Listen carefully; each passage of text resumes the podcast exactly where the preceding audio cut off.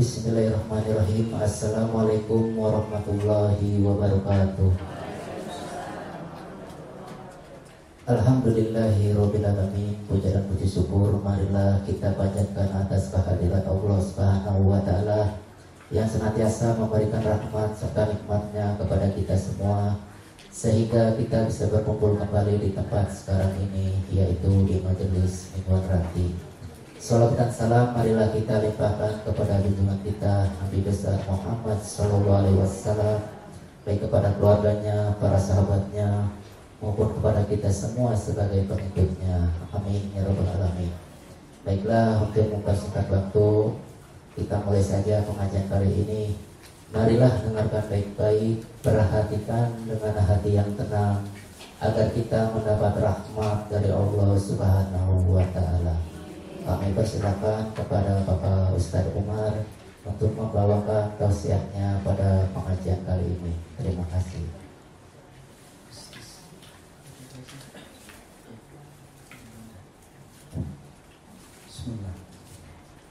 Assalamualaikum warahmatullahi wabarakatuh. Innal hamdalillah wassalatu wassalamu ala Rasulillah wa ala alihi wa sahbihi wa man tabi'ahum bi ihsan ila yaumil qiyamah. Bapak dan Ibu yang semoga Allah rahmati dan Allah berkahi Alhamdulillah senantiasa kita bersyukur kepada Allah atas seluruh kenikmatan yang Allah telah berikan kepada kita selaku hambanya Sesungguhnya tidak ada yang menyempurnakan kenikmatan di dalam hidup kecuali Allah jualah yang telah menyempurnakan kenikmatan itu dalam kehidupan kita tidak ada perahu di dalam mengarungi kehidupan dan gelombangnya kecuali adalah perahu kesyukuran dan kesabaran. Makanya siapa pun yang hati dan jiwanya yang senantiasa bersyukur kepada Allah Sesungguhnya dia akan terhindar dari sifat takabur dan sombong. Karena orang yang takabur dan sombong merasa keistimewaan yang dia dapatkan di dalam hidup Disebabkan karena kehebatan yang dia miliki dan dia peroleh. Padahal salah. Sesungguhnya sehebat apa pun keistimewaan yang kita peroleh di dalam kehidupan Semata-mata karena Allah yang telah mencurahkan kenikmatan itu dalam kehidupan kita Inilah yang menjadikan kita bersyukur setiap waktunya Karena sesungguhnya kamu, saya, dan kita tidak akan pernah merasakan kebahagiaan Sampai kita bersyukur atas segala apa yang telah Allah berikan kepada kita. Tentunya yang paling penting di dalam kita bersyukur kepada Allah Yaitu adalah bagaimana syukurnya kita atas semua yang Allah telah berikan menjadi modal serta pula menjadi energi untuk merubah setiap kenikmatan menjadi ketaatan di jalan Allah. Karena apabila kenikmatan yang kita dapatkan dan kita peroleh tidak menambah ketaatan kita di jalan Allah yang kita khawatirkan adalah istidraj. Dimudahkan kita di dalam perkara-perkara duniawi untuk menjadi alasan dilipat gandakan adab bagi kita kelak di waktu hari akhirat kalau kita tidak merubah setiap kenikmatan menjadi ketaatan di jalan Allah. Karena yang kita takuti bukanlah sedikitnya harta, tetapi yang kita takuti dan kita khawatirkan adalah banyaknya harta, tetapi tidak menambah ketaatan di jalan Allah. Itulah yang disebutkan oleh Rasulullah di dalam hadis yang sahih ketika beliau bersabda, "Ida Allah yu'til abda lama asihi fa'lam annahu istidraj." Rasulullah bersabda dengan lisannya beliau yang sangat mulia. Apabila kamu melihat Allah memberikan kenikmatan kepada hambanya tetapi hamba tersebut ternyata setelah disempurnakan kenikmatannya bertambah kemaksiatannya maka ketahuilah itu nikmat yang bersifat bukan ridho tapi nikmat yang bersifat istidraj. Dan istidraj adalah alasan dua kali lipat Allah akan menimpakan adab disebabkan orang itu ketika di dunia mendapatkan kesempurnaan nikmat tapi justru pincang di dalam membayar kenikmatan kepada Allah. Inilah yang kita khawatirkan. Apabila umur kita, kesehatan kita, handphone kita, rumah dan mobil kita ternyata akan menjadi istidraj, maka yang kita khawatirkan sesungguhnya istidraj menjadi alasan yang pedih untuk menimpakan adab dua kali lipat daripada adab untuk orang lain. Kalau sempurna nikmatnya tetapi tidak sempurna taatnya. Inilah yang menjadikan kita bersyukur. Kalau kemudian kita mendatangi majelis ilmu berarti kita punya modal untuk menambah ketaatan kita ketika kita memiliki ilmu karena sesungguhnya ketaatan itu tidak dibidangi dengan kebutuhan. Tetapi sesungguhnya yang membidani ketaatan itu adalah ilmu yang telah kita dapatkan sampai kita mampu mengukir dan menggores amal dalam kehidupan kita beribadah kepada Allah Subhanahu wa taala. Jemaah yang semoga Allah rahmati dan Allah berkahi. Apa yang antum dan kita pikirkan kalau kita akan mengadakan perjalanan yang jauh? Misalnya kita akan mengadakan perjalanan ke Surabaya. Maka pasti persiapan yang kita tempuh adalah persiapan yang banyak karena kita ingin ketika kita pergi ke Surabaya, kita tidak telantar tidurnya dan tidak pula kita mengais-ngais makanan di pinggir-pinggir jalan. Disebabkan kita punya uang saku yang cukup.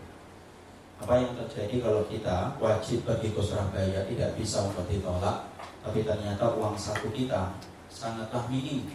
Tentunya kita pasti khawatir, Masya Allah, uang saku saya tinggal 100 ribu, saya akan mengadakan safar ke Surabaya. Tidurnya saya di mana dan makanya bagaimana? 100 ribu. Sekarang beli masakan padang pakai telur saja sudah 13 ribu. Saya apa karena saya sering makan padang di pinggir sana. Kalau pakai rendang beda-beda ada yang 16 ribu ada yang 18 ribu jangan nangis sederhana padang itu kok semakin sederhana semakin mahal maka di situ apa yang kita lakukan? Sudah, kita tinggalkan masalah harga masakan. Apa yang biasanya kita lakukan ketika kita akhirnya cuma membawa 100 ribu? Yang kita pikirkan kalau kita termasuk di antara yang cerdik adalah kita memikirkan siapa ya teman-teman kita yang tinggal di Surabaya. Kita membuka catatan-catatan halaman atau catatan-catatan alamat teman-teman SMP, teman-teman SMA kita berharap semoga ada teman kita di SMP atau SMA yang tinggal di Surabaya supaya dengan uang 100 ribu kita tetap tenang kalau kita memiliki teman di Surabaya yang akan membantu kita. Ternyata ketemu kita telepon mas saya mau ke Surabaya nih tapi cuma bawa uang 100 ribu.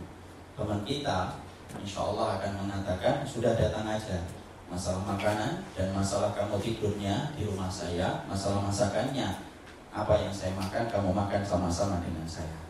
Tentunya kita bersyukur banget Masya Allah. Akhirnya kita mampu ke Surabaya dengan tenang walaupun cuma membawa uang saku 100 ribu. Kenapa? kita mendapatkan pertolongan dari teman lama kita yang tinggal di Surabaya. Apa sih kaitannya dengan syafaat yang sedang akan kita bahas? Ini juga membicarakan tentang kita bahwasanya kita ini akan menempuh perjalanan yang panjang. Karena sesungguhnya perjalanan kita itu perjalanan yang panjang Ibu. Dari alam janin, alam dunia, alam barzah, alam hasyar atau alam masyar Kemudian alam perhitungan, alam hisab Kemudian alam, kemudian mizan yaitu alam yang dihitung Kemudian ditampakkan amal kita kita Kemudian disirat baru surga dan neraka. Masya Allah. Kita baru di alam yang kedua Alam dunia Sesungguhnya kita ini adalah musafir. Bahwasanya kita akan menempuh perjalanan yang sangat panjang karena perjalanan yang kita tempuh baru alam dunia, belum alam barzah, belum alam masyar dan lain sebagainya.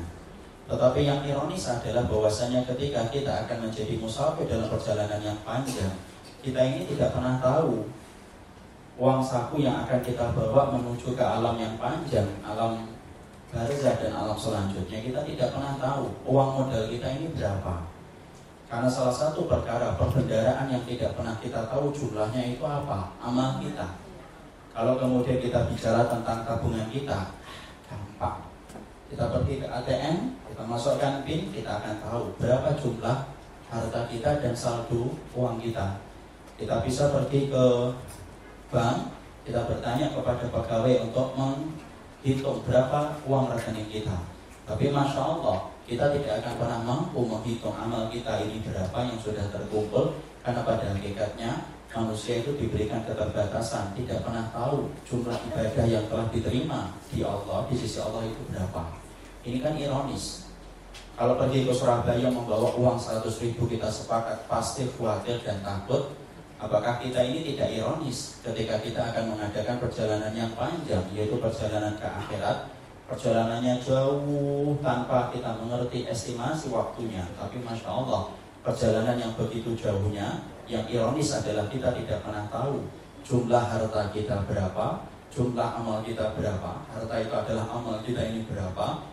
bisa menjadi tempat atau bisa menjadikan kita nyaman ketika kita dalam perjalanan yang panjang. Sholat kita yang diterima berapa? Duhur yang tadi kita laksanakan apakah diterima oleh Allah atau tidak? Kita tidak ngerti. Puasa yang sudah kita lakukan 15 sampai 20 kali yang sudah diterima oleh Allah itu berapa? Kita tidak pernah paham. Sedekah yang pernah kita keluarkan dari kantong kita apakah diterima oleh Allah kita tidak pernah tahu. Masya Allah ironisnya kita ketika kita akan menjadi musafir yang panjang tapi Masya Allah kita tidak pernah tahu bekal yang kita bawa dalam perjalanan panjang itu kayak apa pantas kalau para sahabat dulu mereka itu meneteskan air mata deras dengan kesedihan ketika malam mereka meninggal dunia kenapa mereka khawatir kalau amal-amal mereka itu belum cukup untuk mendapatkan surganya Allah kelak pada waktu di hari akhirat. Makanya Abu Hurairah nangis dalam detik-detik sakaratul mautnya, maka Abu Hurairah itu menangis. Lalu kemudian putranya menyenangkan hatinya Abu Hurairah supaya tidak bersedih, menyebutkan amal yang dilakukan oleh Abu Hurairah. Tetapi justru Abu Hurairah berkata kepada anaknya, tulus safar, killatul amal. Nah, perjalanan yang akan ditempuh oleh ayahmu ini perjalanan yang panjang banget. Wakilatul amal dan sedikit sekali bekal yang dibawa oleh ayahmu dalam negeri dan kita tidak pernah tahu di mana kaki kita akan berpijak ketika kita sudah meninggal dunia. Apakah di surga, apakah di neraka. Abu Hurairah nangis, anaknya pun ikut menjadi nangis. Di situlah kita paham, Masya Allah ya, ternyata perjalanan pasti dan sebuah keniscayaan adalah perjalanan kita ketika menutup mata dicabut roh dari jasad kita berkalang tanah terbujur kaku dalam kubur itu pasti. Tapi yang tidak pasti adalah berapa rekening yang kita miliki dalam kehidupan amal itulah yang menjadikan kita sedih. Jangan-jangan kita dalam perjalanan yang panjang lebih tragis nasibnya daripada orang yang ke Surabaya membawa bekal 100 ribu Mungkin jangan-jangan kita lebih tragis daripada orang yang pergi ke Bandung tapi cuma membawa uang 50 ribu apa yang harus apa yang akan dia dapatkan dengan modal yang sangat sedikit itu. Inilah yang menjadikan kita indahnya membicarakan syafaat itu adalah supaya kita juga paham bahwasanya ketika kita masih sedikit amalnya dan kita juga merasa amal kita tidaklah terlalu banyak, mari kita hadirkan para penolong-penolong dalam kehidupan kelak kita di akhirat. Sebagaimana tadi orang yang pergi ke Surabaya merasa tenang ketika dibantu dengan temannya SMP yang ada di Surabaya, kita pun sebenarnya secara sederhana dalam analogi dan kiasnya, kita pun perlu penolong. Di mana penolong itulah yang akan membantu memberikan pertolongan kepada kita kalau kita sudah terbujur kaku di alam kubur, mata sudah menutup tidak mampu membuka. Kita perlu sekali, yaitu adalah untuk mendapatkan syafaat yaitu adalah penolong dalam kehidupan kelak kita di akhirat. Karena sesungguhnya ada orang yang mereka itu dimasukkan oleh Allah bukan hanya karena semata-mata amal, tetapi ada orang yang mereka itu dimasukkan oleh Allah di dalam surga disebabkan dia mendapatkan syafaat. Inilah yang menjadikan kita harus paham syafaat-syafaatmu, penolong-penolongmu dalam kehidupan kelak di akhirat itu apa saja supaya kita mampu membayangkan, mampu menghadirkan dengan usaha dan ikhtiar supaya syafaat itu kita dapatkan kelak di akhirat. Karena ternyata mendapatkan syafaat itu apa? Mendapatkan syafaat itu tidak bisa berpangku tangan dan berliha-liha. Sebagaimana sebagian besar masyarakat kita itu kan berpikirnya semacam itu pragmatisnya. Mereka berpikir, ah nanti juga dapat syafaatnya Nabi. Betul, umatnya Nabi itu mendapatkan syafaatnya Nabi. Tapi siapa yang mendapatkan syafaatnya Nabi? Harus dibuktikan dengan bukti yang sangat nyata ketika kamu mencintai Nabi. Orang yang cinta Nabi dapat syafaat betul, tapi cinta kan macam-macam. Ada cinta yang murni, ada cinta yang imitasi, ada cinta yang asli, ada cinta yang palsu. Bahkan di stiker aja ada cintamu tidak sepul, tidak semurni dan sinku. Karena ternyata cinta itu macam-macam. Artinya mendapatkan syafaat itu tidak berpangku tangan, tidak berleha-leha, kalau ingin mendapatkan syafaat berarti kamu usahakan, kamu ikhtiarkan supaya kita layak mendapatkan syafaat kelak pada waktu hari kiamat. Dan syafaat itu harus kita pahami. Syafaat itu bukan hanya datang dari Nabi. Nah, masyarakat kita pun berpikirnya semacam ini dalam tanda kutip minimalis bahwasanya dia berpikir syafaat itu hanya datang dari Nabi padahal bimbingan wahyu sunnah menjelaskan kepada kita bahwasanya syafaat itu tidak semata-mata datang dari Rasulullah tetapi ada datang dari perkara-perkara yang selain Rasulullah Shallallahu Alaihi Wasallam. Sebelum kita membicarakan tentang syafaat dan melanjutkan kajian kita satu persatu tentang masalah syafaat, maka kita harus paham ada tiga kaidah penting ketika kita bicara tentang masalah syafaat. Apa tiga kaidah penting di dalam pembicaraan kita ketika membahas tentang masalah syafaat? Yang pertama adalah sesungguhnya syafaat itu yang menetapkan adalah Allah. Ya? Yang menetapkan adalah Allah. Mangdalladhi yashfa'u Mangdalladhi yashfa'u indahu illa bi'ibni Siapa yang memberikan syafaat kecuali di sisi Allah itu kecuali adalah yang diizinkan oleh Allah.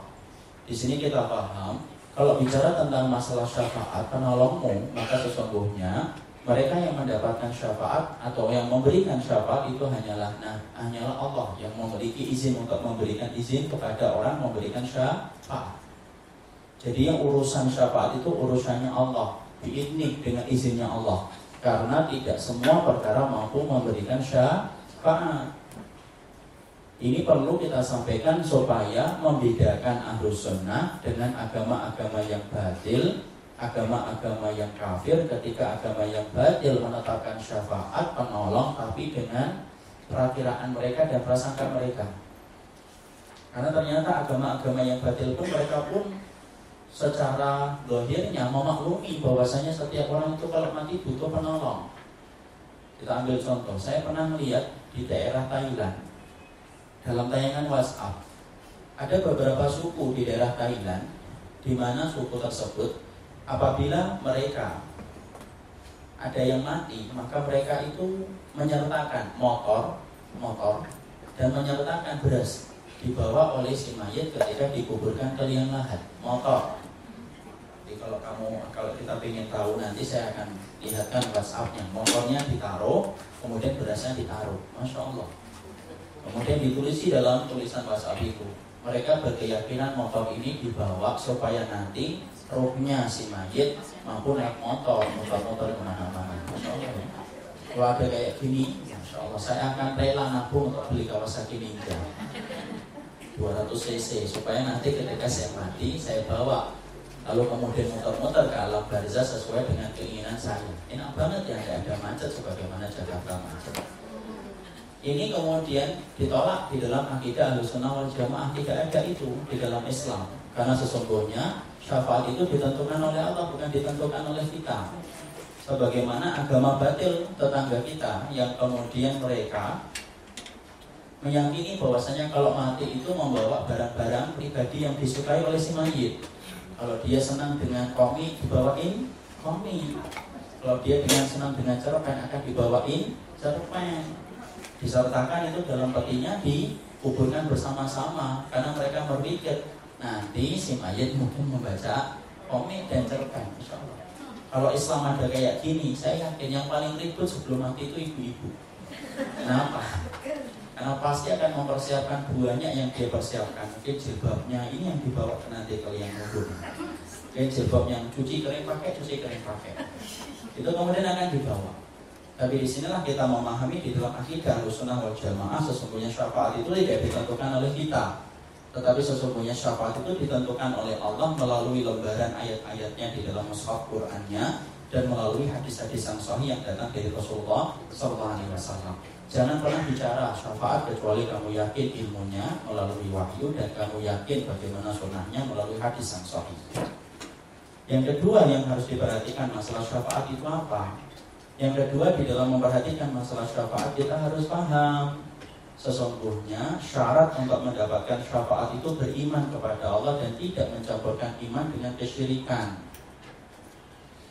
Jangan sampai kemudian melakukan kesyirikan kita di hadapan Allah Kesyirikanmu apabila kamu berbuat syirik kepada Allah Sesungguhnya kesyirikanmu kepada Allah menjadikan kamu tidak akan pernah mendapatkan syafaat-syafaat yang telah ditunjuk oleh Allah dan diizinkan oleh Allah Makanya Nabi berkata As'atun nasi bisyafaati yawmal qiyamati Man qala la ilaha illallah khalisa min qalbihi.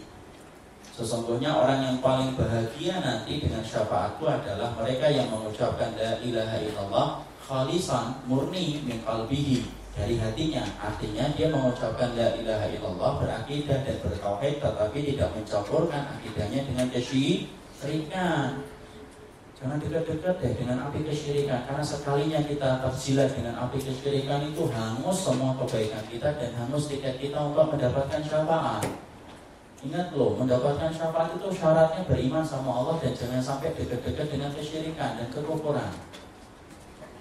Ya, dan belum tentu orang yang beriman itu bersih dari kesyirikan. Karena apa? Allah berfirman di dalam surat Yusuf 106, "Wa ma yu'minu aktsaruhum billahi illa wa hum musyrikun." Tidaklah manusia itu kebanyakan ketika mereka beriman, mereka juga berbuat syirik. Tuh, Surat Yusuf 106 Allah mengatakan, mengabarkan ya, Tidaklah kebanyakan manusia ketika mereka beriman Kecuali mereka itu mencampurkan iman mereka dengan kesyirikan Jadi Masya Allah Belum tentu orang yang sholat kemudian betul-betul bersih dari kesyirikan Makanya kan kita pernah lihat kan Ada orang memakai atribut Islam Tapi kemudian melemparkan kerbau dari puncak-puncak gunung dan meyakini gunung tersebut mempunyai penguasa yang berkuasa atas gunung itu selain Allah, masya Allah. Kalau dia melakukan ini setelah datangnya ilmu, maka bisa jadi jatuh dalam perbuatan syirik. Jangan dekat-dekat dengan kesyirikan karena sesungguhnya kesyirikan membuatmu bangkrut dalam kehidupan di dunia dan sesungguhnya kesyirikan itu bukan hanya menjadikan kamu bangkrut, tiketmu untuk mendapatkan syafaat itu hangus terbakar tidak akan pernah kamu mendapatkan syafaat. Inilah yang menjadikan kita menjaga diri dari masalah kesyirikan itu penting banget. Jadi makanya kemudian dikatakan makanya Rasulullah sudah mengingatkan kepada kita ya sudah mengingatkan kepada kita Rasulullah Shallallahu Alaihi Wasallam sesungguhnya kebanyakan manusia itu kelak pada akhir zaman banyak yang melakukan kesyirikan mana dalilnya Ustaz? Mari kita bacakan hadis yang diriwayatkan dari riwayat Muslim. Rasulullah SAW bersabda, "Wa ma antum bisyirki illa kasyaratil baydai fil sawil aswadi."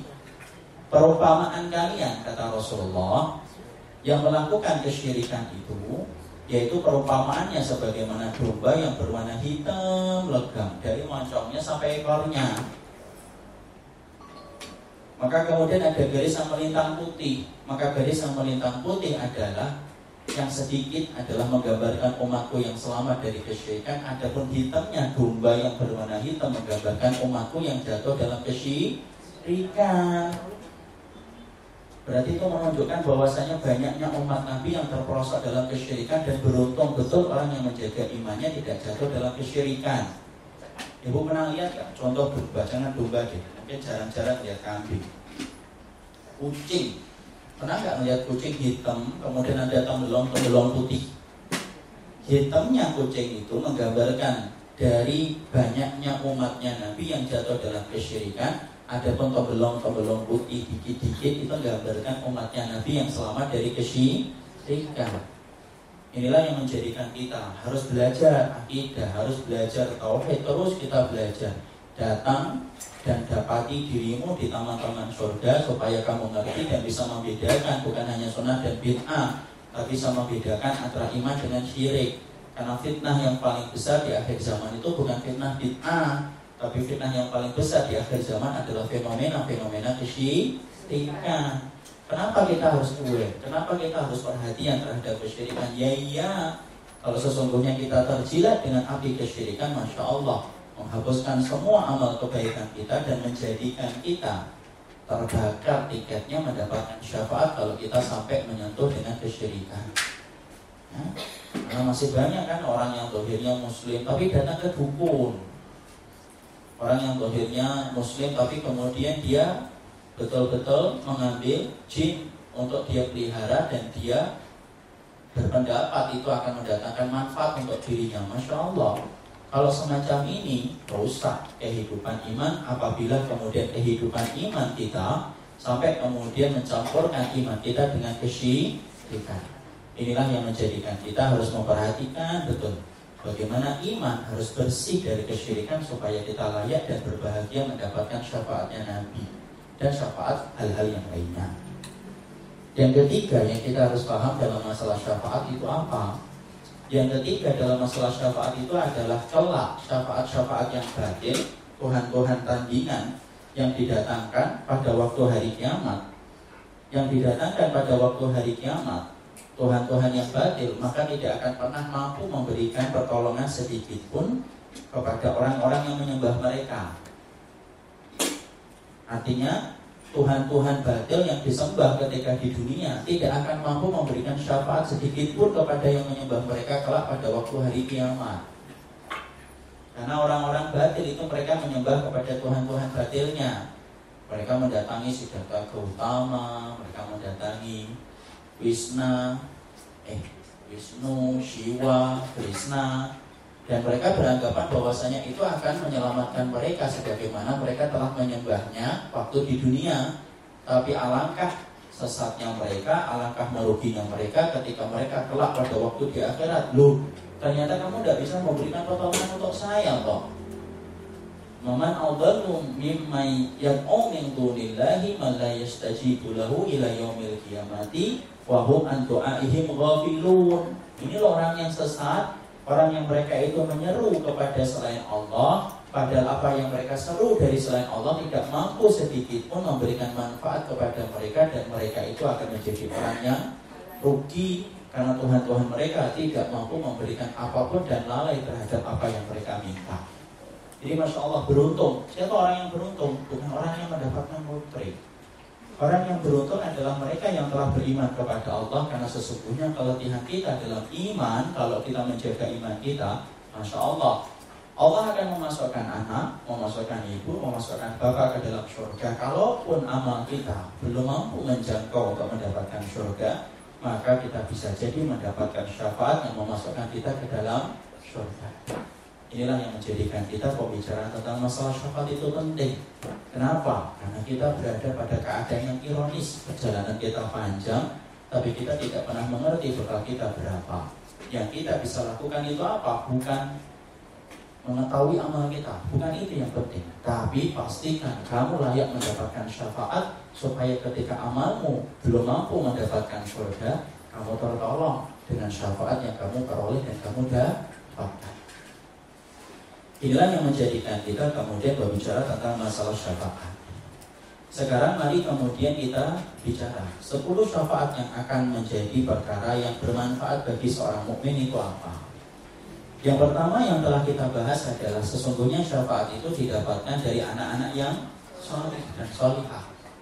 Sebagaimana keterangan yang telah disebutkan dalam riwayat Muslim anak-anak yang solih kelak mereka itu menunggu orang tua mereka di depan pintu surga.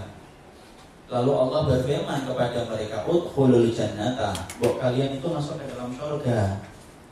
Tetapi kemudian mereka berkata, "La nadkhulul jannata hatta ya'tiya aba'una wa ummahatuna."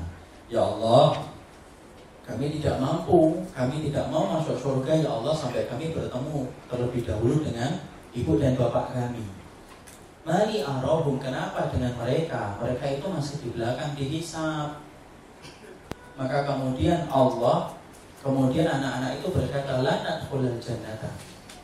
Kami tidak mau masuk surga ya Allah. Hatta ya'tiya abauna wa ummahatuna. Kami tidak mau masuk surga ya Allah sampai kami melihat orang tua kami dulu. Maka kemudian akhirnya Allah meringankan hisap orang tua mereka di mana orang tua mereka asalnya masih dihisap dengan hisap yang panjang, lalu Allah ringankan hisap untuk mereka dan Allah pertemukan mereka dengan anak-anak mereka di depan pintu surga. Akhirnya mereka bareng-bareng mendapatkan surga, masuk bareng-bareng bersama dengan orang tua mereka. Mereka bareng-bareng bersama dengan anak-anak mereka yang solih memasuki pintu surga. Ini loh yang kemudian menjadi kebahagiaan yang paling besar adalah ketika seorang muslim mereka ditunggu oleh anak-anak mereka di depan pintu surga ketika urusan hisab itu berat, urusan hisab itu menghimpit dada dan jiwa mereka. Lalu kemudian tiba-tiba mereka dimudahkan di dalam hisabnya karena permintaan anak-anak mereka yang solih dan permintaan anak mereka yang solihah menjadikan mereka akhirnya mendapatkan tiket ke surga bukan karena amal mereka, tetapi mendapatkan tiket ke surga disebabkan karena anak mereka yang solih mengetuk-ngetuk pintu dari Allah, mengetuk-ngetuk rahmatnya Allah supaya rahmatnya Allah memberikan kepada orang tua mereka. Orang tua yang sukses bukan orang tua yang menjadikan anaknya kaya, karena Allah tidak akan pernah menghisap ibu dan tidak akan pernah menghisap bapak. Kenapa anak bapak itu miskin dan kenapa anak bapak kaya? Allah tidak akan pernah menghisap. Allah tidak akan pernah menghisap bapak dan ibu dan tidak akan pernah menghisap saya kalau anak kita itu pintar atau tidak pintar. Tapi Allah pasti akan menghisap kita kalau kemudian kita tidak berhasil ataupun tidak berusaha dan berikhtiar menjadikan anak kita soli dan solihah, masya Allah. Maka sesungguhnya kalau saya dan ibu dan bapak kececer di neraka, maka anak kita pun akan ikut kececer di dalam neraka. Tapi apabila kita berusaha berikhtiar semampu mungkin untuk menjadikan janin yang tumbuh di rahim istri kita, lalu menjadi janin yang taat kepada Allah, Masya Allah, kalau bapak dan saya, ibu dan saya kececer di dalam neraka, maka anak-anak kita yang soleh yang akan menunggu kita di depan pintu surga. Dan tidak ada pertemuan yang paling indah kecuali adalah seorang anak menunggu bapaknya dan menunggu ibunya di depan pintu surga untuk mendapatkan rahmatnya Allah yang luar biasa yang Allah berikan di dalam surga, surga yang Allah janjikan. Ini menjadi perhatian kita. Jangan sampai kita menjadi orang yang mandul, Siapa itu orang yang mandul? Rasulullah SAW pernah bertanya kepada para sahabat dalam hadis riwayat Imam Ahmad, "Atadruna man rukub?" Kalian ngerti nggak siapa itu orang yang mandul? Lalu kemudian para sahabat menjawab, "Alladzi la yuladun lahu aulad ya Rasulullah." Yang tidak punya yang tidak punya anak, tidak punya keturunan, rahimnya kering, airnya juga tidak menghasilkan janin. Kalau bahasa kita itu rahimnya kering, airnya tidak menghasilkan janin. Kemudian Rasulullah SAW berkata, Arrukuk min ummati, sesungguhnya orang yang mandul di antara umatku bukan itu yang tidak menghasilkan keturunan, yang bahasanya adalah rahimnya kering dan akhirnya tidak menghasilkan janin bukan. Arrukuk min ummati, sesungguhnya orang yang mandul di antara umatku adalah alladzi lahu auladun yang punya banyak anak walam yuqaddi min auladihi syai'an fisabilillah. Punya banyak anak, nah, punya banyak keturunan, tapi di antara banyaknya keturunan yang dia miliki, satu pun tidak ada yang kemudian bermanfaat untuk agama Allah. Islam tidak dapat manfaat dari anak banyak yang dia miliki. Jangan-jangan kemudian kita punya banyak keturunan, tapi jangan-jangan kita ini mandul di hadapan Allah ketika kita gagal, disebabkan kita lalai, disebabkan kita meremehkan anak kita untuk menjadi soli, sampai Islam itu tidak mendapatkan manfaat sedikit pun dari anak-anak kita. Inilah yang menjadikan kita harus merubah bahwasanya tidak ada yang paling penting kecuali adalah bagaimana menjadikan anak kita menjadi hambanya Allah. Makanya setiap laki-laki solihkan diri supaya airnya pun menjadi solih. Para wanita maka solihkanlah diri supaya rahimnya pun solih. Kalau rahimnya solihah, rahimnya taat kepada Allah, maka sesungguhnya air yang solih ketika bertemu dengan rahim ketaatan akan melahirkan anak-anak yang solih. Jangan mengharapkan bayangan itu lurus kalau bendanya itu bengkok. Kalau kita ingin untuk kemudian menghasilkan bayangan yang lurus, ini bendanya ini harus lurus. Ini analogi sederhana, kias sederhana. Kita ini bendanya, anak-anak kita ini adalah bayangan kita sendiri. Kalau kita ingin supaya anak-anak kita, bayangan kita ini lurus, berarti luruskan dirimu, solihkan dirimu, solihkan diri kita, supaya kemudian kita layak untuk mendapatkan keturunan yang solih layaknya kesolihan Ibrahim menghasilkan Ismail yang solih selayaknya kemudian Rasulullah menghasilkan Fatimah yang solihah sebagaimana Yakub menghasilkan putra Yusuf yang solih karena apa? benda yang lurus menghasilkan bayangan-bayangan yang lurus. Tapi benda yang bengkok tidak akan pernah menghasilkan bayangan yang lurus. Inilah yang kita bahas yang pertama. Sekarang kita bahas yang kedua. Syafaat yang kedua yang kemudian akan bermanfaat bagi kita dan kita betul-betul akan berbahagia mendapatkan itu adalah yaitu adalah yang kedua yang diterangkan oleh Allah Subhanahu oleh Rasulullah Sallallahu Alaihi Wasallam yaitu adalah yang kedua adalah teman-teman kita yang solih dan teman-teman kita yang solihah Jangan remehkan pergaulan kita karena sesungguhnya pergaulan kita menentukan nasib kita kelak di akhirat. Mari kita baca dulu dalilnya supaya kita ngerti bahwasanya teman-teman kita yang solih dan teman kita yang solih itu dahsyat mereka kelak di akhirat. Sebagaimana satu keterangan yang datang dari Rasulullah SAW dalam satu riwayat yang sahih yaitu adalah ketika para orang yang orang yang solih sudah berada di dalam surga kemudian mereka berkata ya Rabbana ikhwanuna kanu yusalluna ma'ana wa yasumuna ma'ana wa ya'maluna ma'ana. Aina haula?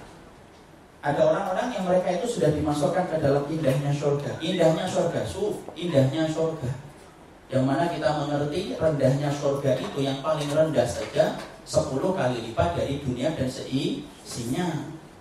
Ternyata ketika mereka sudah berada di surga, memori mereka, ingatan mereka tentang teman-teman mereka itu tidak hilang. Jadi kita harus paham ya, porsi keluarga dan porsi teman itu adalah porsi yang tidak mampu dihapus dalam benak dan jiwa seseorang walaupun dia sudah melewati perjalanan panjang di akhirat. Apalagi keluarga. Ingat loh ya, keluarga itu, masya Allah. Inilah yang diminta pertama kali kalau seseorang itu berhasil menjawab pertanyaan alam kubur dengan tiga pertanyaan. Robnya siapa, Rasulnya siapa, agama yang diutus kepadanya siapa. Tahukah kita, kalau muka dan nakir sudah berhasil menanyakan seseorang dan orang itu berhasil menjawab, Tahukah kita jenazah itu ngomongnya apa? Ya Robbi ahdi bisa hatta arji ila. Ya Robku tolong cepat segerakan kiamat ya Allah supaya aku cepat ketemu keluarga. Suf. Porsi keluarga itu besar sampai sampai kalau saya dan ibu dan bapak berhasil menjawab pertanyaan tiga di dalam alam barzah. Yang pertama kali yang kita inginkan untuk ketemu itu adalah keluarga. Sama pula dengan teman, teman itu menempati porsi yang istimewa di dalam hati dan jiwa manusia. Ketika manusia sudah berada di dalam surga, mereka tanya, Mana teman-teman kami ya Allah yang dulunya itu bersama kami di dalam sholat, bersama kami di dalam puasa, dan bersama kami di dalam amal sholih. Ingat ya, dalam tiga itu loh ya. Bukan bersama kami ketika mancing, bukan bersama kami ketika goes. Tapi yang bersama kami ketika kami sholat, ketika bersama kami ketika puasa, dan bersama kami ketika beramal sholih. Ternyata kemudian Allah menjawab, sesungguhnya teman-temanmu itu ada di dalam neraka. Lalu kemudian Allah mengatakan idhabu ilan nari fa akhrijuhum mimman kana fi qalbihi dinarin. Kamu pergi ke dalam neraka itu, keluarkan teman-temanmu yang dulu nemenin kamu di dalam sholat, nemenin kamu dalam puasa, nemenin kamu di dalam amal salih. Apabila temanmu punya iman seberat satu dinar, masya Allah, satu dinar, suf satu dinar. Padahal satu dinar itu tidak ada satu kilo. Saking rendahnya amal yang dia lakukan cuma satu dinar. Maka kemudian mereka masuk ke dalam neraka. Belum nggak pernah dibakar. Rasulullah mengatakan wa yuharrimullahu an-nara ala suwarihim. Allah haramkan nih. Kamu haram ya membakar mereka-mereka ini. Allah haramkan api neraka untuk membakar penduduk surga yang turun ke neraka. Sebagaimana api tidak mampu membakar Nabi Ibrahim alaihissalam. Turun mereka. Cari itu di antara teman-temannya itu mana? Pulang, ini dulu nih sama saya ini majelis ilmu nih yang suka tidur kalau majelis ini. Namun satu dinar kok. Ini yang suka masbuk ini kalau saya salam dia bangun ini melanjutin sholatnya.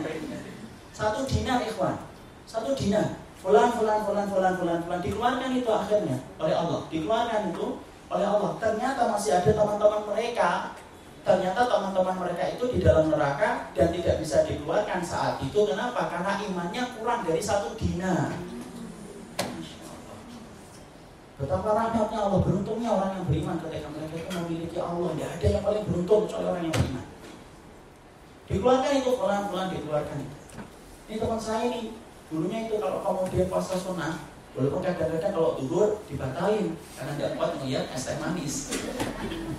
Ya, dikeluarkan itu satu-satu. Kemudian akhirnya Allah berfirman kembali akhrijuhum mimaka nabi qalbihi min istidikrin kamu keluarkan itu teman-temanmu yang kemudian memiliki keimanan seberat setengah dinar, setengah dinar, ikhwan. Kemudian akhirnya mereka masuk kembali, mereka keluarkan teman-teman mereka yang memiliki keimanan setengah dinar. Sampai akhirnya mereka kumpul di akhirat dan mereka memasuki surga. Masya Allah disebabkan teman mereka yang saling memberikan syafaat kepada teman mereka. Bukankah indah sesuatu yang paling melegakan hati dan membahagiakan bukanlah ketika kita tenggelam lalu ada yang menjulurkan tangan mengangkat kita dari air yang deras bukan itu Sesuatu yang membahagiakan bukan kita di pinggir jalan kemudian ditarik sama orang kemudian akhirnya terhindar dari kecelakaan. Iya itu membahagiakan. Tapi puncak rasa bahagia itu bisa kita bayangkan kalau kita kececer di dalam neraka terbakar dengan jilat api neraka tiba-tiba ada yang datang mengingat kita disebabkan kita dulu pernah kumpul sama mereka di dunia di amal-amal solih yang kita lakukan bersama mereka, masya Allah, memori mereka tentang kita tidak akan terhapus ketika memori itu terukir di atas ketaatan di jalan Allah. Masya Allah, tidak akan lupa itu. Dan mereka itu kemudian akan mencari kita. Makanya beruntung betul orang-orang yang mereka itu beriman. Kita harus paham iman itu tidak akan menghasilkan produk orang yang beriman kuat sendirian ketika beriman. Tidak, iman itu menghasilkan produk ketika kita beriman. Kita butuh orang lain untuk menguatkan iman kita. Makanya Nabi Musa ditemani dengan Harun, Nabi Isa ditemani, dengan kaum Hawariyun, Rasulullah ditemani dengan para sahabat. Kenapa? Karena beriman sendirian itu mustahil, tetapi beriman itu bersama-sama dengan orang yang solih. Orang yang solih mereka lah orang yang akan menemani kita di dalam ketaatan dan kebaikan di dunia ketika menapak jalan ketaatan dan di akhiratnya kalaupun ada yang kejajar tertinggal di belakang mereka akan minta kepada Rob yang menguasai surga supaya mereka itu membebaskan teman-teman mereka yang dulu menemani mereka di dunia dahsyat kan? dahsyat makanya sampai-sampai hal yang penting di dalam kehidupan ibadah itu apa? cari teman yang benar kalau kemudian kita mencari teman yang benar itu Masya Allah Bahkan seekor hewan sekalipun akan naik derajatnya Kalau dia itu berteman dengan teman orang yang sorry. Mana dalilnya Ustaz? Kalau tidak percaya Kita membaca dalam surat Al-Kahfi Ibu dan Bapak itu kan baca surat Al-Kahfi setiap pekannya kan? Setiap pekannya itu kita mengambil pelajaran tentang seekor anjing yang ada di dalam surat Al-Kahfi. Ayat yang ke-18 itu masalah anjing kan Ashabul Kahfi itu adalah orang-orang yang beriman yang menyelamatkan dirinya dari kezaliman sang raja. Mereka masuk ke dalam gua. Mereka tertidur 300 tahun lebih. Ada anjingnya atau tidak? Ada. Anjingnya di depan pintu gua itu menunggu mereka. Dan Allah itu berikan keberkahannya bukan hanya kepada pemuda-pemuda di dalam gua, tetapi sampai anjingnya saja diberikan karomah, ditidurkan lebih dari 300 tahun. Dan bahkan bukan hanya itu saja disebutkan di dalam surat Al-Kahfi tentang anjing. Padahal itu anjing, A N J I N G. Ternyata anjing berteman sama orang yang soleh itu Masya Allah itu naik derajatnya Sampai Imam Ibn Qasir berkata Menguraikan ketika beliau menjelaskan tentang tafsir ayat yang ke-18 Di dalam surat Al-Kahfi Masya Allah ya keberkahan orang-orang yang soleh itu bukan hanya meliputi manusia yang ada di sekitarnya, bahkan meliputi kepada seekor anjing pun akan mendapatkan keberkahan. Bahkan sampai dia mendapatkan karomah ditidurkan oleh Allah 300 tahun. Mau kita aja tidur satu hari aja sudah pegel semua. Ini anjingnya dapat karomah, disebutkan dan diabadikan oleh Allah di dalam Quran sampai hari kiamat. Ini apakah kemudian tidak menjadi sebuah motivasi bagi kita Hidup kita singkat. Kalau kemudian kita berteman sama orang yang tidak mengingatkan kita tentang urusan akhirat, kita ini akan menyesal. Karena salah satu penyesalan orang ketika berada di dalam neraka, penyesalan orang di dalam neraka itu apa? Karena mereka itu salah ngambil teman. Mari kita membaca dalam surat Al-Furqan ketika Allah mengatakan dalam surat yang ke-28.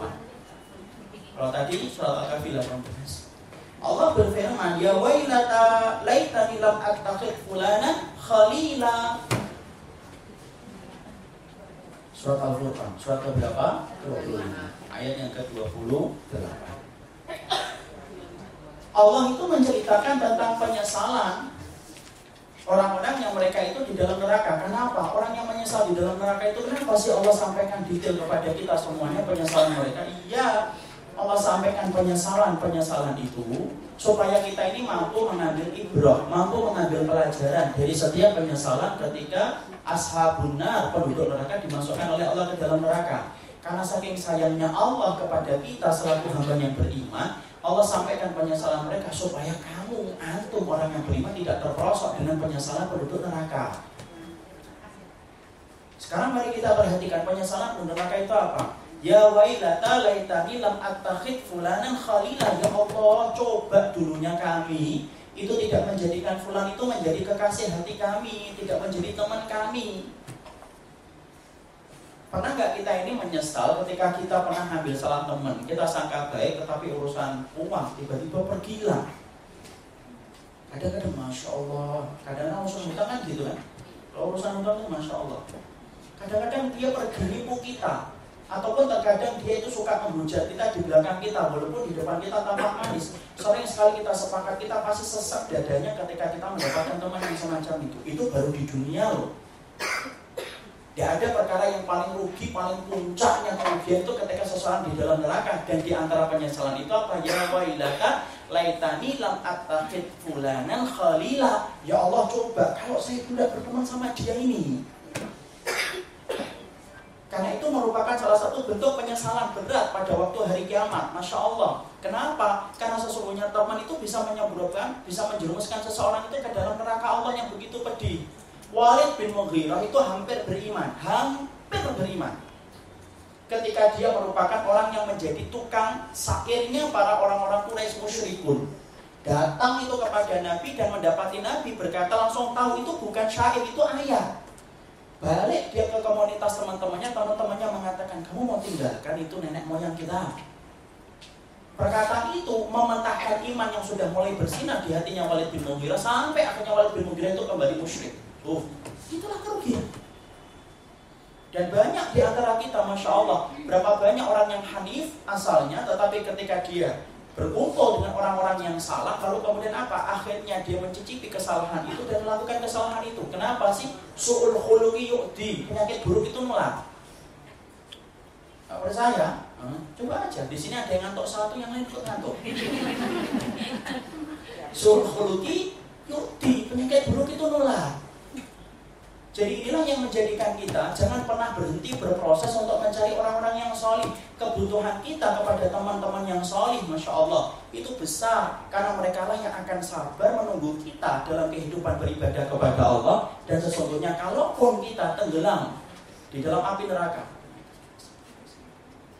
Kalaupun ada seseorang yang masuk ke dalam neraka, sesungguhnya mereka yang akan meminta kepada Robnya supaya kita dikeluarkan dari neraka memasuki surga bersama-sama dengan mereka. Karena apa? Cintanya mereka kepada kita ketika dulu menemani mereka di dalam ketaatan dan ibadah. Jangan remehkan pertemuan hanya di masjid, ngobrol. Jangan remehkan ketika puasa bareng-bareng kemudian sabari menunggu puasa kemudian kita ngobrol. Jangan remehkan itu. Bisa jadi itulah perkara yang akan dikenang oleh mereka. Kenangan itu tergores dalam jiwa mereka. Tidak mampu hilang walaupun melewati perjalanan yang panjang. Ketika di surga Goresan memori itu tidak pernah hilang Sampai mereka minta sama roh mereka. Masya Allah Itulah enaknya sama orang yang beriman. Makanya sampai-sampai Rasulullah berkata Walaya kulta maka illa takiyun Walatusahib ila mu'minan Makanya sampai Nabi berkata, jangan berteman sama kecuali sama orang yang beriman, jangan biarkan makananmu kecuali diambil sama orang-orang yang bertakwa. Kenapa? Karena mereka kalau menghormati Allah, mereka akan menghormati antum. Nah, ini yang menjadikan kita, masya Allah, bertemanlah sama orang yang soleh. Jangan sampai kemudian saya tidak kuat sama orang yang soleh. Kenapa? Panas. Terus diukiahi. Karena kita tidak mungkin akan bertahan sendirian saja. Banyak perkara yang bisa menjadikan kita itu luntur imannya. Ingat loh, Bapak dan Ibu, dan ingatlah kepada jiwa saya sendiri. Iman kita itu tidak selamanya akan dalam keadaan top di atas terus. Kenapa? Iman itu layaknya baju. Kadang bersih, kadang kotor.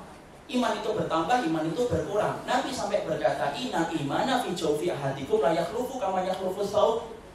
Sesungguhnya iman itu perumpamannya sebagaimana baju.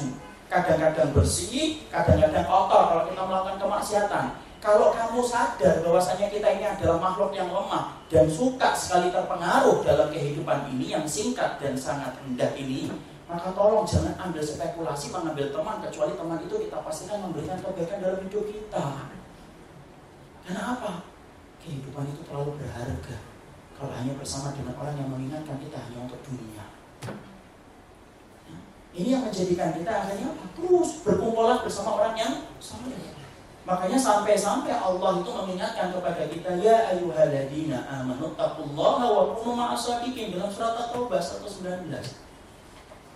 Sampai Allah mengingatkan kepada kita wahai orang yang beriman bertakwalah kamu kepada Allah wa kunu ma'as-shadiqin. Wa kunu ma'as-shadiqin itu apa? Bersamalah kamu setelah kamu bertakwa bersamalah kamu dengan orang yang cinta kebenaran. Dalam ayat ini ada dua perintah. Satu yaitu adalah perintah untuk kemudian bertakwa. Yang kedua ada perintah untuk berkumpul sama orang yang soleh. Kenapa ada yang semacam itu? Ya iya. Syaikhul Rahman As-Sa'di rahimahullah ta'ala mengatakan karena kamu tidak akan mungkin bertakwa kecuali kamu kumpul sama orang yang soleh. Makanya sampai Hasan Al-Basri berkata, Inna ikhwanana agla min ahlina fa inna ikhwanana yudakiruna anil akhirah fa inna ahlana yudakiruna anil dunya. Paham artinya? Tidak paham. Hasan Al-Basri itu sampai berkata, saudara-saudara kami, teman-teman kami itu lebih berharga betul daripada kemudian keluarga kami.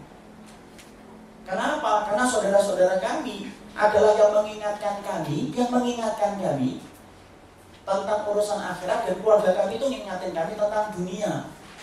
Sampai berharganya saudara-saudara teman-temannya Hasan Al Basri rahimahullah taala sampai Hasan Al Basri itu membandingkan sesungguhnya teman-temannya itu mengingatkan dia tentang akhirat dan keluarganya itu mengingatkan tentang dunia.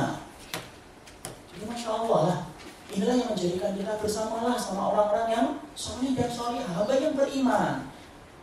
Tentunya yang kita harus pahami, mereka adalah orang yang soleh, bukan hanya soleh di dalam ilmunya, tetapi berakhlak dengan akhlak yang baik. Ini juga penting. Kenapa? Kesolehan itu berbanding lurus dengan akhlak yang baik. Itu tidak bisa dipisahkan. Ya. Kenapa saya perlu menyampaikan masalah ini? Saya beberapa hari ini, masya Allah, beberapa pekan ini sering sekali mendapati pertanyaan terakhir itu di Jakarta Permen Bekasi. Ada seorang iman tuh tanya Ustaz, saya itu berteman sama orang yang lama ngaji.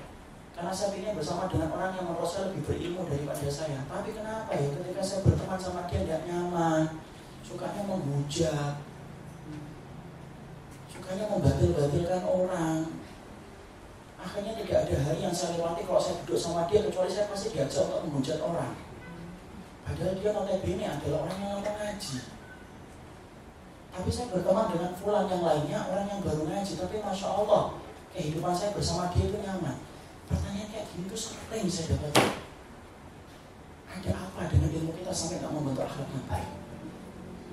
Padahal sunnah itu ibaratnya menjadikan kita ini betul-betul alatnya mulia. Kenapa? Sunnah itu harusnya sebagaimana benih yang kita taruh di dalam tanah, di mana sunnah itu kalau benar akan menumbuhkan pohon-pohon yang rindang dan buah yang manis setiap orang yang lewatin setidaknya akan mendapatkan naungan rindangnya pohon itu atau mendapatkan panisnya buahnya itu. Itu harusnya ilmu yang kita pelajari. Orang itu harusnya nyaman kok sama kita. Kalau kemudian mereka itu mendapati kita ini soli. Jangan sampai kita itu menjadikan ilmu sunnah yang kita pelajari itu ibaratnya benih ditaruh di dalam tanah yang tumbuh pohon yang berduri dan buah yang masam. Setiap orang itu lewat terluka oleh pohon itu dan ketika mencicipi buahnya buahnya masam Sunnah itu tidak menjadikan akhlak kita hilang. Sunnah itu tidak menjadikan cinta kita kepada sesama mukmin itu hilang.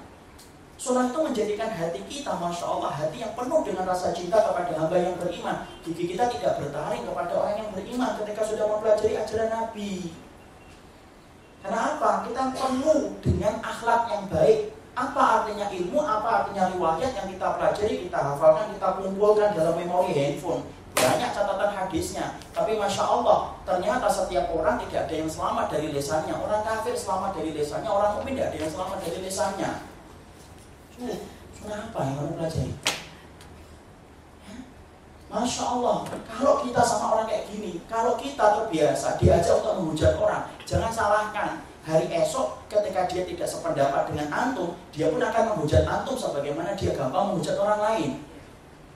Kita kan ingat perkataan Syafi'i, kalau kamu sedang bersama orang yang gibain orang, hari ini kamu diajak gibain orang, besok kamu akan digibain dia di belakang kamu. Itu sudah kaidah itu. Ini kenapa saya sampaikan supaya betul-betul kita paham yang betul-betul kita perlukan dalam kehidupan itu apa orang yang soli yang berakhlak baik supaya kita nyaman bersama mereka. Kalaupun kita masih melakukan kekurangan, dia tidak menghujat kita, tapi dia menjulurkan tangannya untuk mengangkat kita dari hubungan dosa dan maksiat yang namanya beriman itu naik turun. Kalau kita bersama dengan orang yang tidak berakhlak, ketika kita sedang turun iman, akan keluar fonis dan hujatan kepada kita. Itu yang merugi, menyesakan dada nanti akhirnya. Makanya apa? Sama dengan orang-orang yang soleh yang berakhlak dengan akhlak yang baik. Kita ambil contoh itu para sahabat, kalau mereka itu mereka itu bersahabat. Masya Allah, para sahabat itu kalau mereka bersahabat, Tidak ada yang mampu menandingi bagaimana persahabatan mereka yang luar biasa. Contoh nih, Abdurrahman bin Auf dengan Abu dan Abu Dah radhiyallahu anhu. Abu Dah ini tipe laki-laki yang kemudian dikatakan istrinya ketika Salman Al Farisi menemui istrinya karena mau dapat bila, istrinya ini berantakan. Kemudian Salman Al Farisi yang dipersaudarakan dengan Abu Dar Abu Darda berkata, lo kamu kok berantakan? Iya, saudaramu itu Abu Darda Gak butuh perempuan, gak pernah menjaman tubuhku. Kalau malam, dihabiskan waktu malamnya.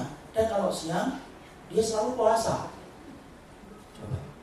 Perhatikan bagaimana kemudian Salman Al-Farisi ketika ingin mengingatkan Abu. Dan langsung kemudian aja, eh Abu Dada sini, saya ingin ngomong nih, istrimu baru saja ngomong sama saya. Enggak. Dia tidur di rumahnya Abu Dada. So, menyempatkan dulu untuk tidur. Tidur dulu ya di rumahnya Abu Darda. Malam habis sisa tidur, benar. Dia ingin membuktikan ucapan istrinya benar atau enggak. Kemudian baru tidur sebentar Abu Darda bangun ingin sholat. Nah, benar kan? Diraih tangannya. Sholat, mau sholat, tidur, nah tidur. Enggak mau sholat, enggak tidur dulu. Masya Allah.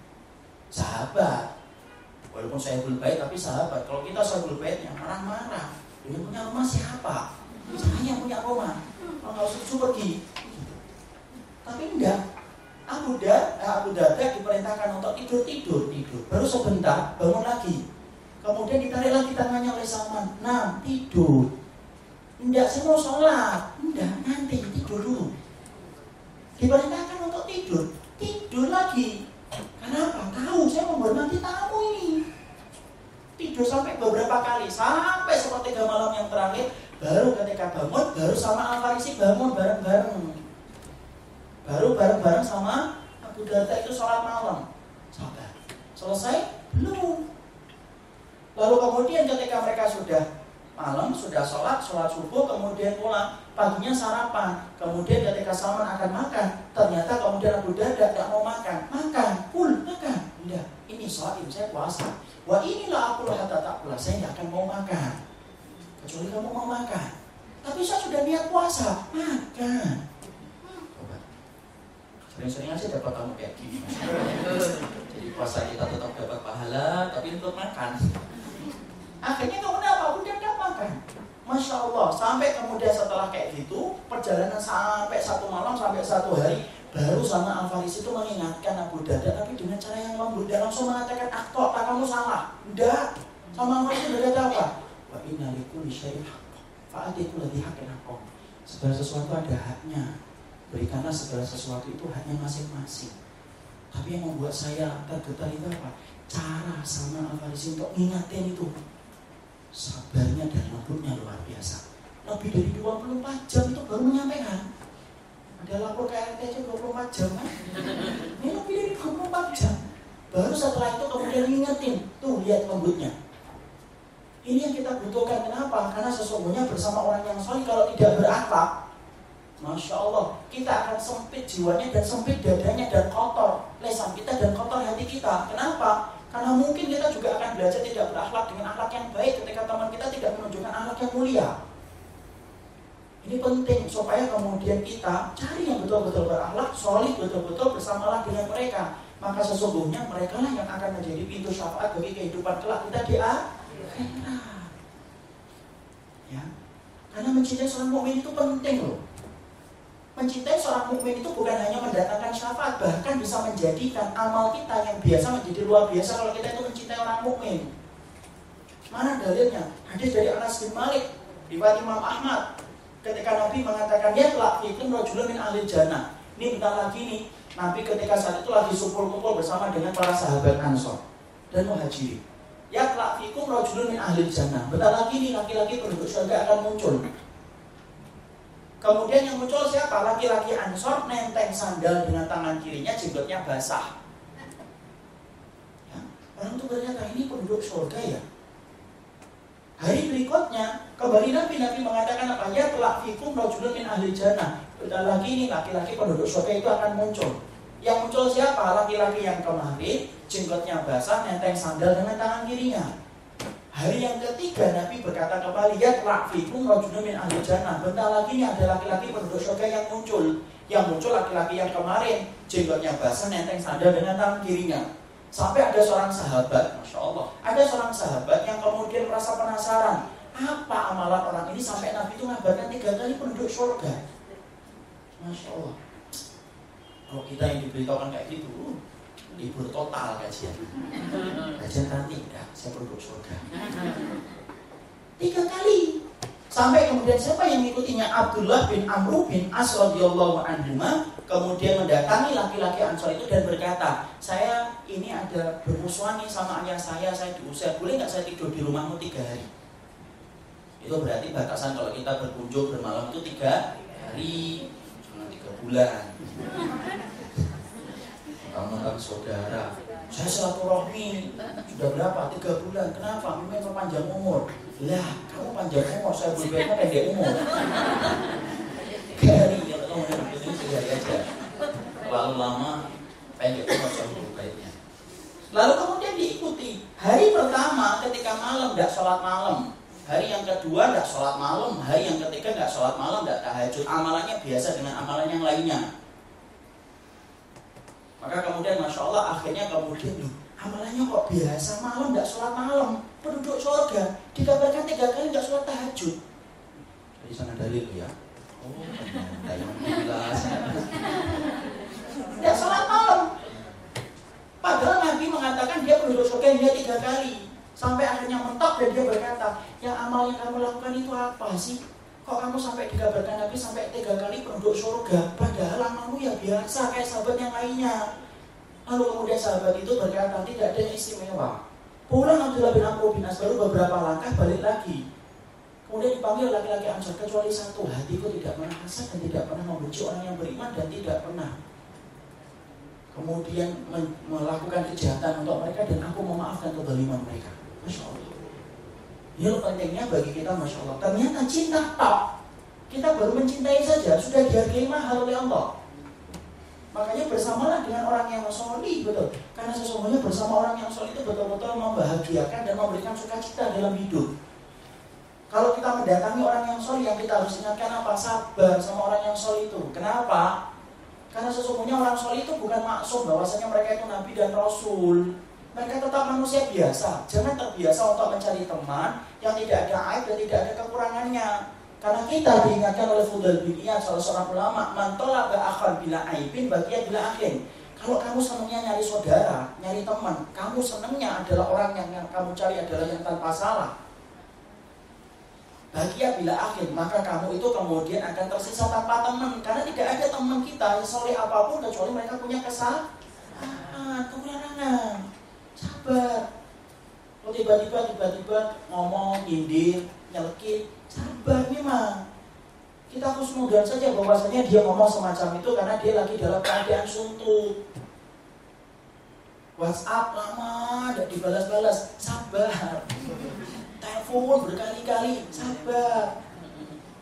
Karena banyak perkara yang terkadang bisa memecah hati orang yang beriman itu Ya atau tidak? Kadang-kadang kita perintah ngasih perintah, tolong ambilkan buku, dikasih tanda seru 10.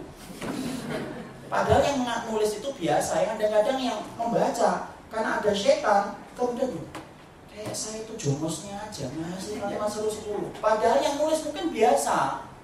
Kalau kita tidak punya khusnudon sama mereka, orang-orang yang soli, bisa jadi pecah hati kita dengan hati mereka. Susah kita bertemu lagi di dunia dan tentunya tidak akan mencari di akhirat. Ingin sabar. Kenapa? Siapa pun temannya bapak dan temannya ibu hari ini mereka bukan nabi, mereka bukan rasul. Mereka hanya manusia biasa di akhir zaman yang pengen benar tapi kadang-kadang masih menampak dalam kesalahan. Itu aja. Jangan mencari kesempurnaan di antara teman-teman kita. Kalau kita sudah mendapatkan orang yang soleh ini baik, jangan kemudian kita ngira bahwasanya mereka itu tidak akan pernah melukai hati kita. Kadang-kadang lagi suntuk, kemudian akhirnya terjadinya pertengkaran sekali dua kali itu wajar. Maafkan segera kenapa butuhnya kita sama orang yang sulit itu betul-betul besar. Supaya mereka mampu menjadi syafaat bagi kita kelak pada waktu hari kiamat. Sampai pentingnya masalah ini Nabi saja meminta cinta. Bukan hanya cintanya Allah. Nabi itu meminta tiga cinta dalam kehidupan beliau beribadah sama Allah. Apa tiga cinta? Dalam riwayat Imam Ahmad Rasulullah SAW itu minta tiga cinta. Apa tiga cinta? Allahumma inni as'aluka hubbaka wa hubba man yuhibbuka wa hubba amalin yuqarribuni ila hubbika. Rasulullah saja meminta tiga cinta. Apa tiga cinta yang diminta oleh Nabi? Satu, ya Allah, aku memohon kepadamu cintamu. Cintanya Allah dulu yang diminta oleh Rasulullah. Kenapa? Cintanya Allah itu paling besar, paling agung dalam hidup kita. Tidak ada yang mampu mengalahkan cintanya Allah. Yang kedua, wa hubba man yuhibbuka. Cinta orang yang mencintaimu, wahai Allah. Masya Allah. Cinta orang yang mencintaimu. Berarti cintanya siapa? Orang-orang yang sorry. Wa hubba man yuhibbuka. Mau ditulis? Mau ditulis atau tidak? Mau tulis Arab atau Latin? saya kadang-kadang itu udah enaknya itu saya susah susah susah nulis gitu. ada yang datang motor cekrek itu perihnya gimana gitu Allahumma ini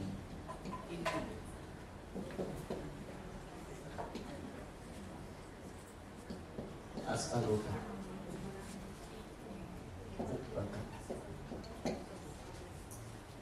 hubba man yuhibbuka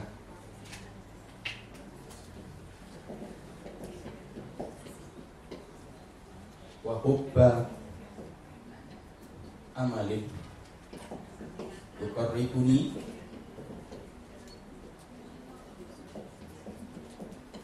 ila hubbika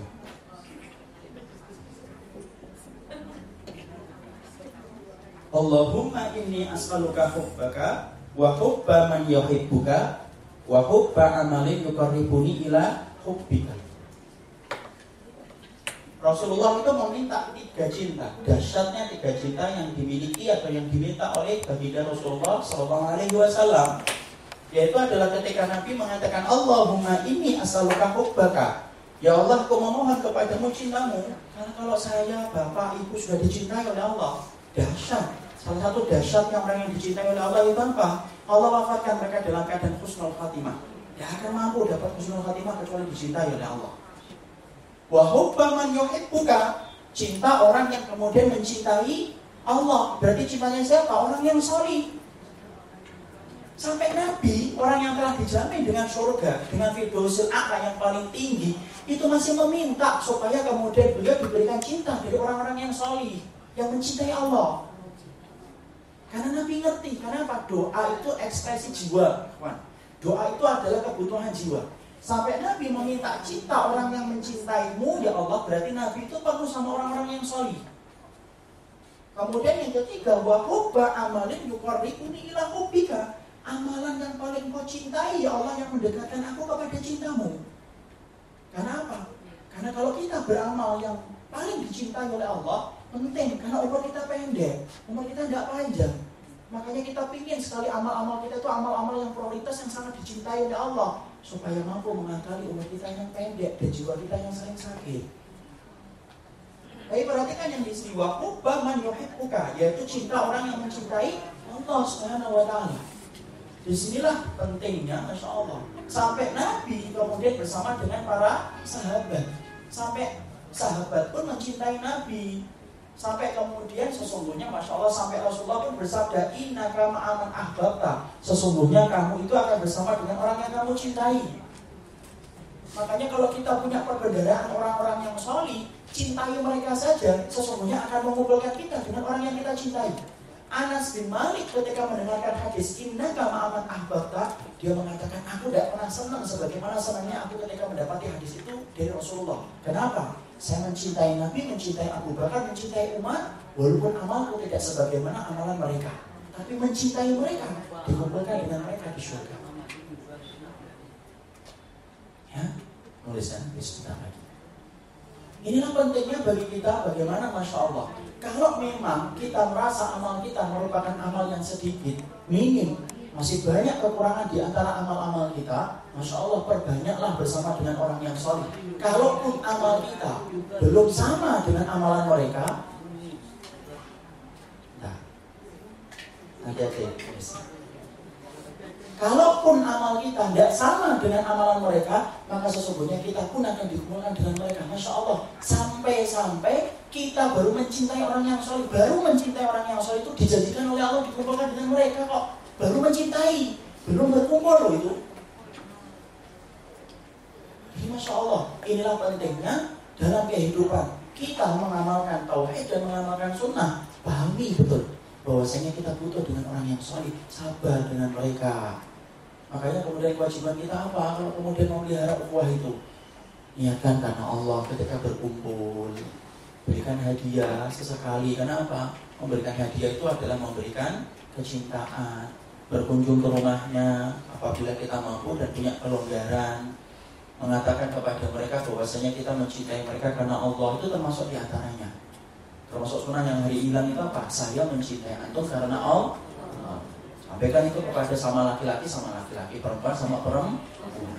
Katakan itu. Dan kemudian kalau mendapatkan ih apaan sih? Nah, itu termasuk kalimat sunnah. Supaya betul-betul kita dikenang oleh mereka kelak dalam kehidupan kita di akhirat. Ya. Jadi inilah yang kemudian yang kedua. Orang-orang yang kemudian mendapatkan syafaat yang kedua itu apa? yang kemudian mendapatkan syafaat. Yang mendapatkan syafaat yaitu adalah mereka-mereka yang mempunyai teman-teman yang solih karena teman yang solih memori mereka tidak pernah terhapus oleh apa pun sampai mereka akan mencari kita kelak di akhirat. Apa yang ketiga syafaat? Apa yang keempat? Apa yang kelima? Apa yang keenam? Apa yang ketujuh? Kedelapan dan kesembilan? Dan apa yang kesepuluh? Insya Allah kita akan bahas dalam pertemuan kita berikutnya. Kita masih ada tanya jawab. Untuk membayar hutang saya pada pertemuan saya yang terakhir, eh, pertanyaan saya yang pertama, yaitu adalah tentang pertanyaan yang tidak ada waktunya saat itu. Fadol, kalau ada yang ingin bertanya, saya persilahkan. Ada yang ingin bertanya?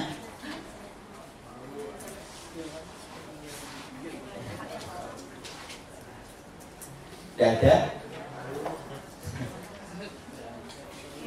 Silahkan. Ada. Mungkin lain kali kalau yang wanita pakai tulisan. Lain kali insya Allah. Yang bapak-bapak silahkan langsung. Assalamualaikum warahmatullahi wabarakatuh. Assalamualaikum warahmatullahi wabarakatuh. Karena Zeta mau bertanya Ustaz. Hmm, di, di kosan, kebetulan anak kan masih kosannya Di kosan tuh ada teman. Nah. Teman anak itu tuh eh, Sebaiknya gimana ya sikap anak itu misalnya? Kalau untuk tergabung dengan teman-teman Kadang-kadang teman-teman itu tuh Apa ya Pembicaranya tuh eh, sia-sia gitu. Jadi misalnya kayak yang ngomongin apa ya kayak diskusi tapi ujung-ujungnya kayak debat gitu.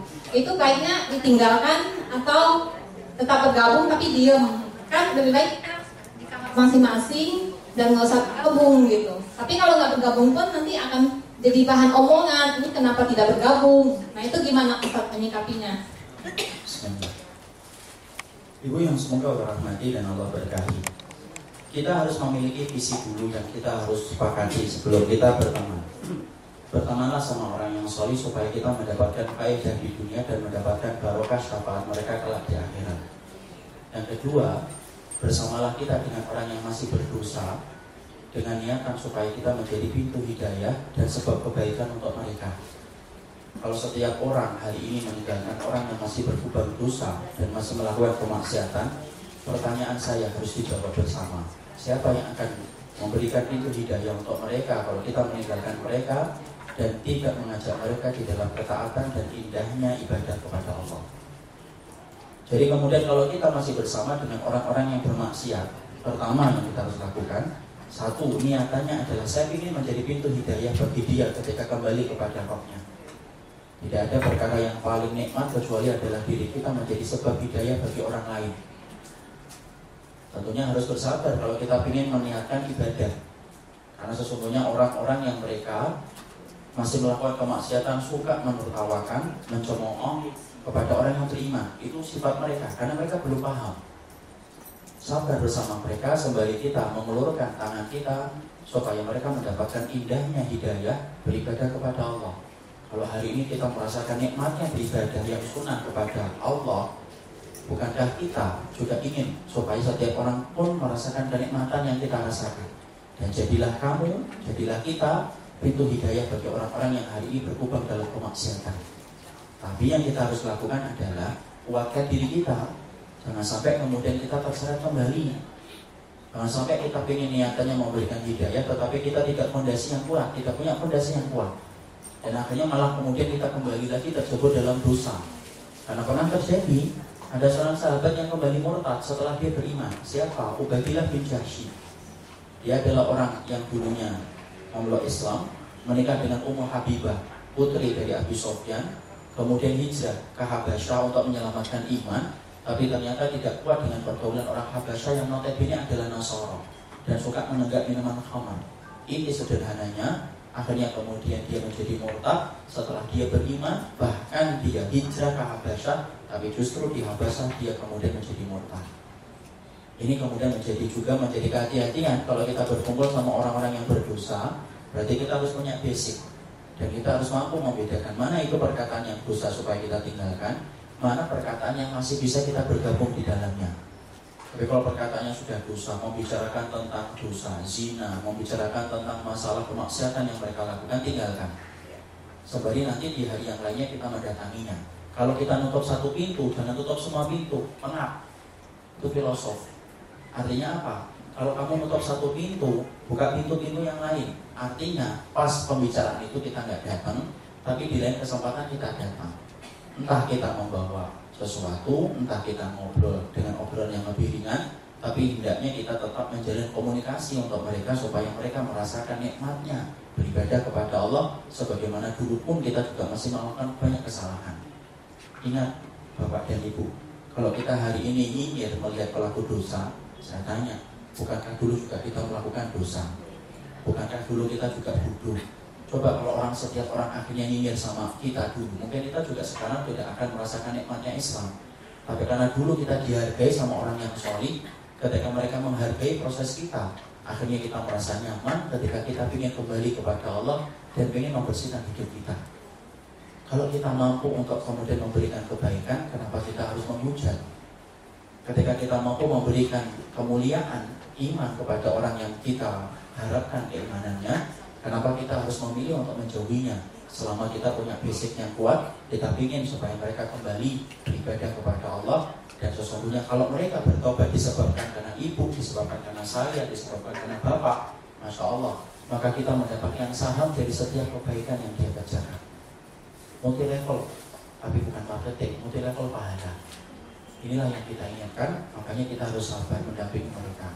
Saya kemarin dakwah di Bali, melihat komunitas-komunitas orang yang tobat di Bali.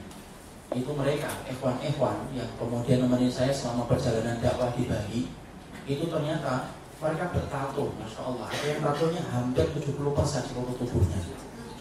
Ada yang tatonya di sini, ada yang orang yang dulunya itu Masya Allah. Saya nggak perlu menceritakan dosanya karena saya memang juga tidak mau menceritakan, tidak mau untuk dia menceritakan dosa. Tapi masya Allah, mereka akhirnya kemudian bertaubat dan kemudian mereka berkata, kita ini Ustaz nyaman kalau sama orang yang betul-betul ngerti bagaimana kita ini masih jatuh bangun ketika kita beriman dan ketika kita ingin memperbaiki hidup. Kadang-kadang kita ingin benar, istri kita yang belum, anak-anak kita yang protes.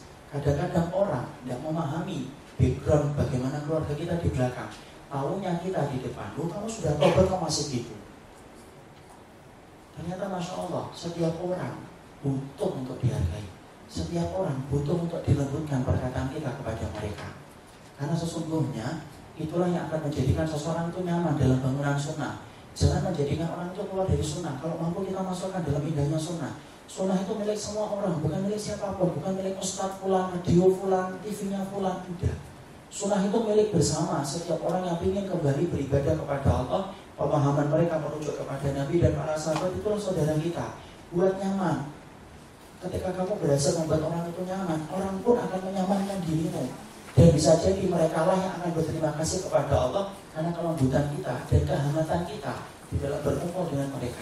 Ingat, kucing saja ketika diberikan minum oleh seorang wanita pezina itu mampu bersyukur sama Allah dan akhirnya Allah mengampuni dosa wanita tersebut karena syukurnya anjing apa bukan anjing anjing bukan kucing dan wanita tersebut turun betul-betul karena ikhlas karena Allah dan anjingnya pun berterima kasih kepada Allah. Anjingnya terima kasih sama Allah. Inilah yang menjadikan kita masya Allah. Siapa pun mereka yang bertaubat siapa pun yang hari mereka yang masih berdosa mereka kayak gitu. Kenapa? Satu karena mereka belum paham. Al insanu atuun majahila. Manusia itu musuh dari apa yang dia belum paham. Dia belum paham kok. Dan kita pun harus paham ketika kita ingin memberikan asupan ilmu kepada mereka kita harus paham orang itu mencerna kebenaran itu lama lalu makanan nasi padang yang sudah makan tadi itu butuh 6 jam diproses dalam khusus itu makanan kelihatan itu Rongkolannya itu kelihatan, itu butuh 6 jam. Itu makanan. Apalagi ucapan merubah hidup, tidak gampang itu. Tidak semua gampang itu kemudian merubahnya. Tapi kalau kemudian kita dengan akhlak yang baik, masya Allah, akhlak yang baik itulah yang akan membekas dalam jiwa karena kamu tidak bisa membeli hati manusia itu dengan hartamu, tapi kamu membeli hati manusia itu dengan akhlak kamu. Dan tidak ada hal yang paling kita prioritaskan untuk kita jual kecuali sunnah kecuali dengan akhlak yang baik. Nabi itu Masya Allah Tidak ada contoh yang paling terdepan di dalam alat yang baik kecuali Rasul Sebagaimana dalam satu riwayat Ada seorang sahabat Dia sholat bersin. Lalu kemudian sahabat itu Kemudian mengucapkan Yarhamukallah. Para sahabat yang lainnya Itu ngeliatin dia. Ngeliatin dia. Setelah diliatin Dia malah bicara Kenapa kalian ngeliatin saya? Coba Ngobrol di belakang Nabi jadi imam. Kemudian mereka sambil mengumpulkan itu apa ini paham mereka sembari kemudian supaya dia diem. Tambah ngapain kalian kayak gitu? Tambah ngobrol itu. Sahabat loh itu. Setelah selesai Nabi apa langsung marah? Siapa tadi yang ngobrol? Sahabat kok ngobrol? Tiga ya kalian ya? Enggak Nabi cuma berkata Innama hadhi sholat Ini sholat La yasluhu fiha kalamun min Tidak boleh ngomong. Sesungguhnya sholat itu tasbih doa, dikir. Lihat Nabi. Apakah kemudian mengatakan, kamu yang dia ngomong ya? Kamu salah tuh. Kamu harus mikir, ini salah. Rasul itu, siapa pemilik sunnah itu? Nabi pemilik sunnah itu. Itulah akhlaknya pemilik Nabi sama. So, sekarang saya bedakan. Orang yang ngaku, tapi akhlaknya, masya Allah, berantakan. Luar biasa. Nabi, masya Allah semacam itu. Kita lihat Nabi ketika bermuamalah dengan Abu Bakar. Abu Bakar itu mau masuk Masjid Nabawi. Kemudian mendapati Nabi sudah rukuk dalam jamaahnya. Abu Bakar ketika mengetahui soalnya sudah rukuk, dia rukuk tapi dulu Masjid Nabawi sambil jalan dia rukuk masuk ke Masjid Nabawi. Kenapa? Karena dia tahu mengetahui rukuk mendapatkan satu rukuk dia jalan nemuin Nabi. Insya Allah. Lalu kemudian Nabi cuma mengatakan apa? Didoakan itu Abu Bakar. Zakat Allah hirsan. Semoga Allah menambahmu dalam kebaikan. Walau tu'id. Tapi perbuatan tadi jangan diulang ya. Itu yang indah. Kita kan ingin setiap orang itu merasakan indahnya Islam. Kita nggak ngerti loh ya. Di antara akhlak mana yang kemudian tiba-tiba membuat orang itu akhirnya jatuh cinta kepada apa yang kita yakini disebabkan disebabkan dia itu senang sama kita. Bisa jadi, masya Allah kan? ada seorang pembantu, ini sisa nyata ini. Ada tetangga saya nikah sama seorang mualaf Cina. Ketika kita datang ke Depok, saya hanya nanya, dulu antum kok bisa masuk Islam itu gimana sih Afi? Ini Ustaz, saya itu kalau jam 4 bangun dan setiap saya bangun saya buka pintu yang saya lihat itu simbol simbol pembantu rumah saya ngambil air wudhu sholat. Tiap hari saya nanya itu apa bok? Sholat? Kok bisa ya kok setiap hari kamu kayak gini? Ya setiap pagi. Ya apa nggak kamu takut dingin? Ya dingin pak. Tapi ya gimana? Ini namanya ibadah. Lama-lama kerasnya hati dia itu tertembus dengan simbol yang bukan tamatan pondok nggak pernah ngikutin kajian hari Selasa di ranting Akhirnya kemudian mu'alafnya itu Cinanya itu kemudian akhirnya nyari Islam dan kemudian masuk Islam. Kalau ditanya sampai sekarang, kalau aku ditanya apa yang menjadikan antum masuk Islam? Ya gara-gara simbol itu, Ustaz. Masya Allah. Seorang simbol yang kemudian tidak banyak cakap, tidak banyak bicara, hanya memperlihatkan dia sholat, dia teguh mempertahankan sholatnya ketika subuh, walaupun dia tidak bisa tidur setelahnya, dia sholat, akhirnya menembus hati dan jiwa. Itu loh yang kita nggak pernah ngerti. Jadilah kita sebab kebaikan untuk saudara kita. Kenapa? Kalau ibu, bapak, saya menjadi sebab kebaikan orang sampai dia kembali kepada Allah, maka setiap dia melakukan ketaatan, bapak dan ibu mendapatkan pahalanya dari apa yang dia kerjakan. Inilah indahnya dakwah. Dan dakwah bukan hanya dilakukan oleh ustaz, dakwah dilakukan oleh setiap orang sesuai dengan kemampuannya. Ada yang mampunya dengan uang, dengan uang. Ada yang mampunya dengan membagikan tulisan, membagikan tulisan. Ada yang mampunya dengan senyuman. Ibu kalau niatnya senyum tapi supaya orang itu kok orangnya ramah banget ya. Karena kan akan nanya, ngaji di mana sih? Kok sabar banget kamu? Ramah banget kamu. Jangan sampai orang tuh ngeliatin, ih marah banget ini. Ngaji di mana sih kok kok marah gitu? Jangan sampai gitu. Jadilah kita sebab kebaikan untuk saudara kita. Allah yang bisa. Yang lain? Sudah? Alhamdulillah. Saya kira cukup apa yang kita kaji dalam kesempatan kali ini. Berarti kita baru membahas dua. Masih ada berapa lagi? Dua. Berarti siap untuk menghitung. Alhamdulillah sudah pandai. Kita akan bahas delapan sisanya. Semoga Allah memberikan keberkahan atas apa yang kita pelajari. Subhanakallahumma wa bihamdika asyhadu an la ilaha illa anta astaghfiruka wa atubu ilaik. Semoga kita dikumpulkan di dunia dan dikumpulkan kelak di akhirat. Barakallahu fikum. Assalamualaikum warahmatullahi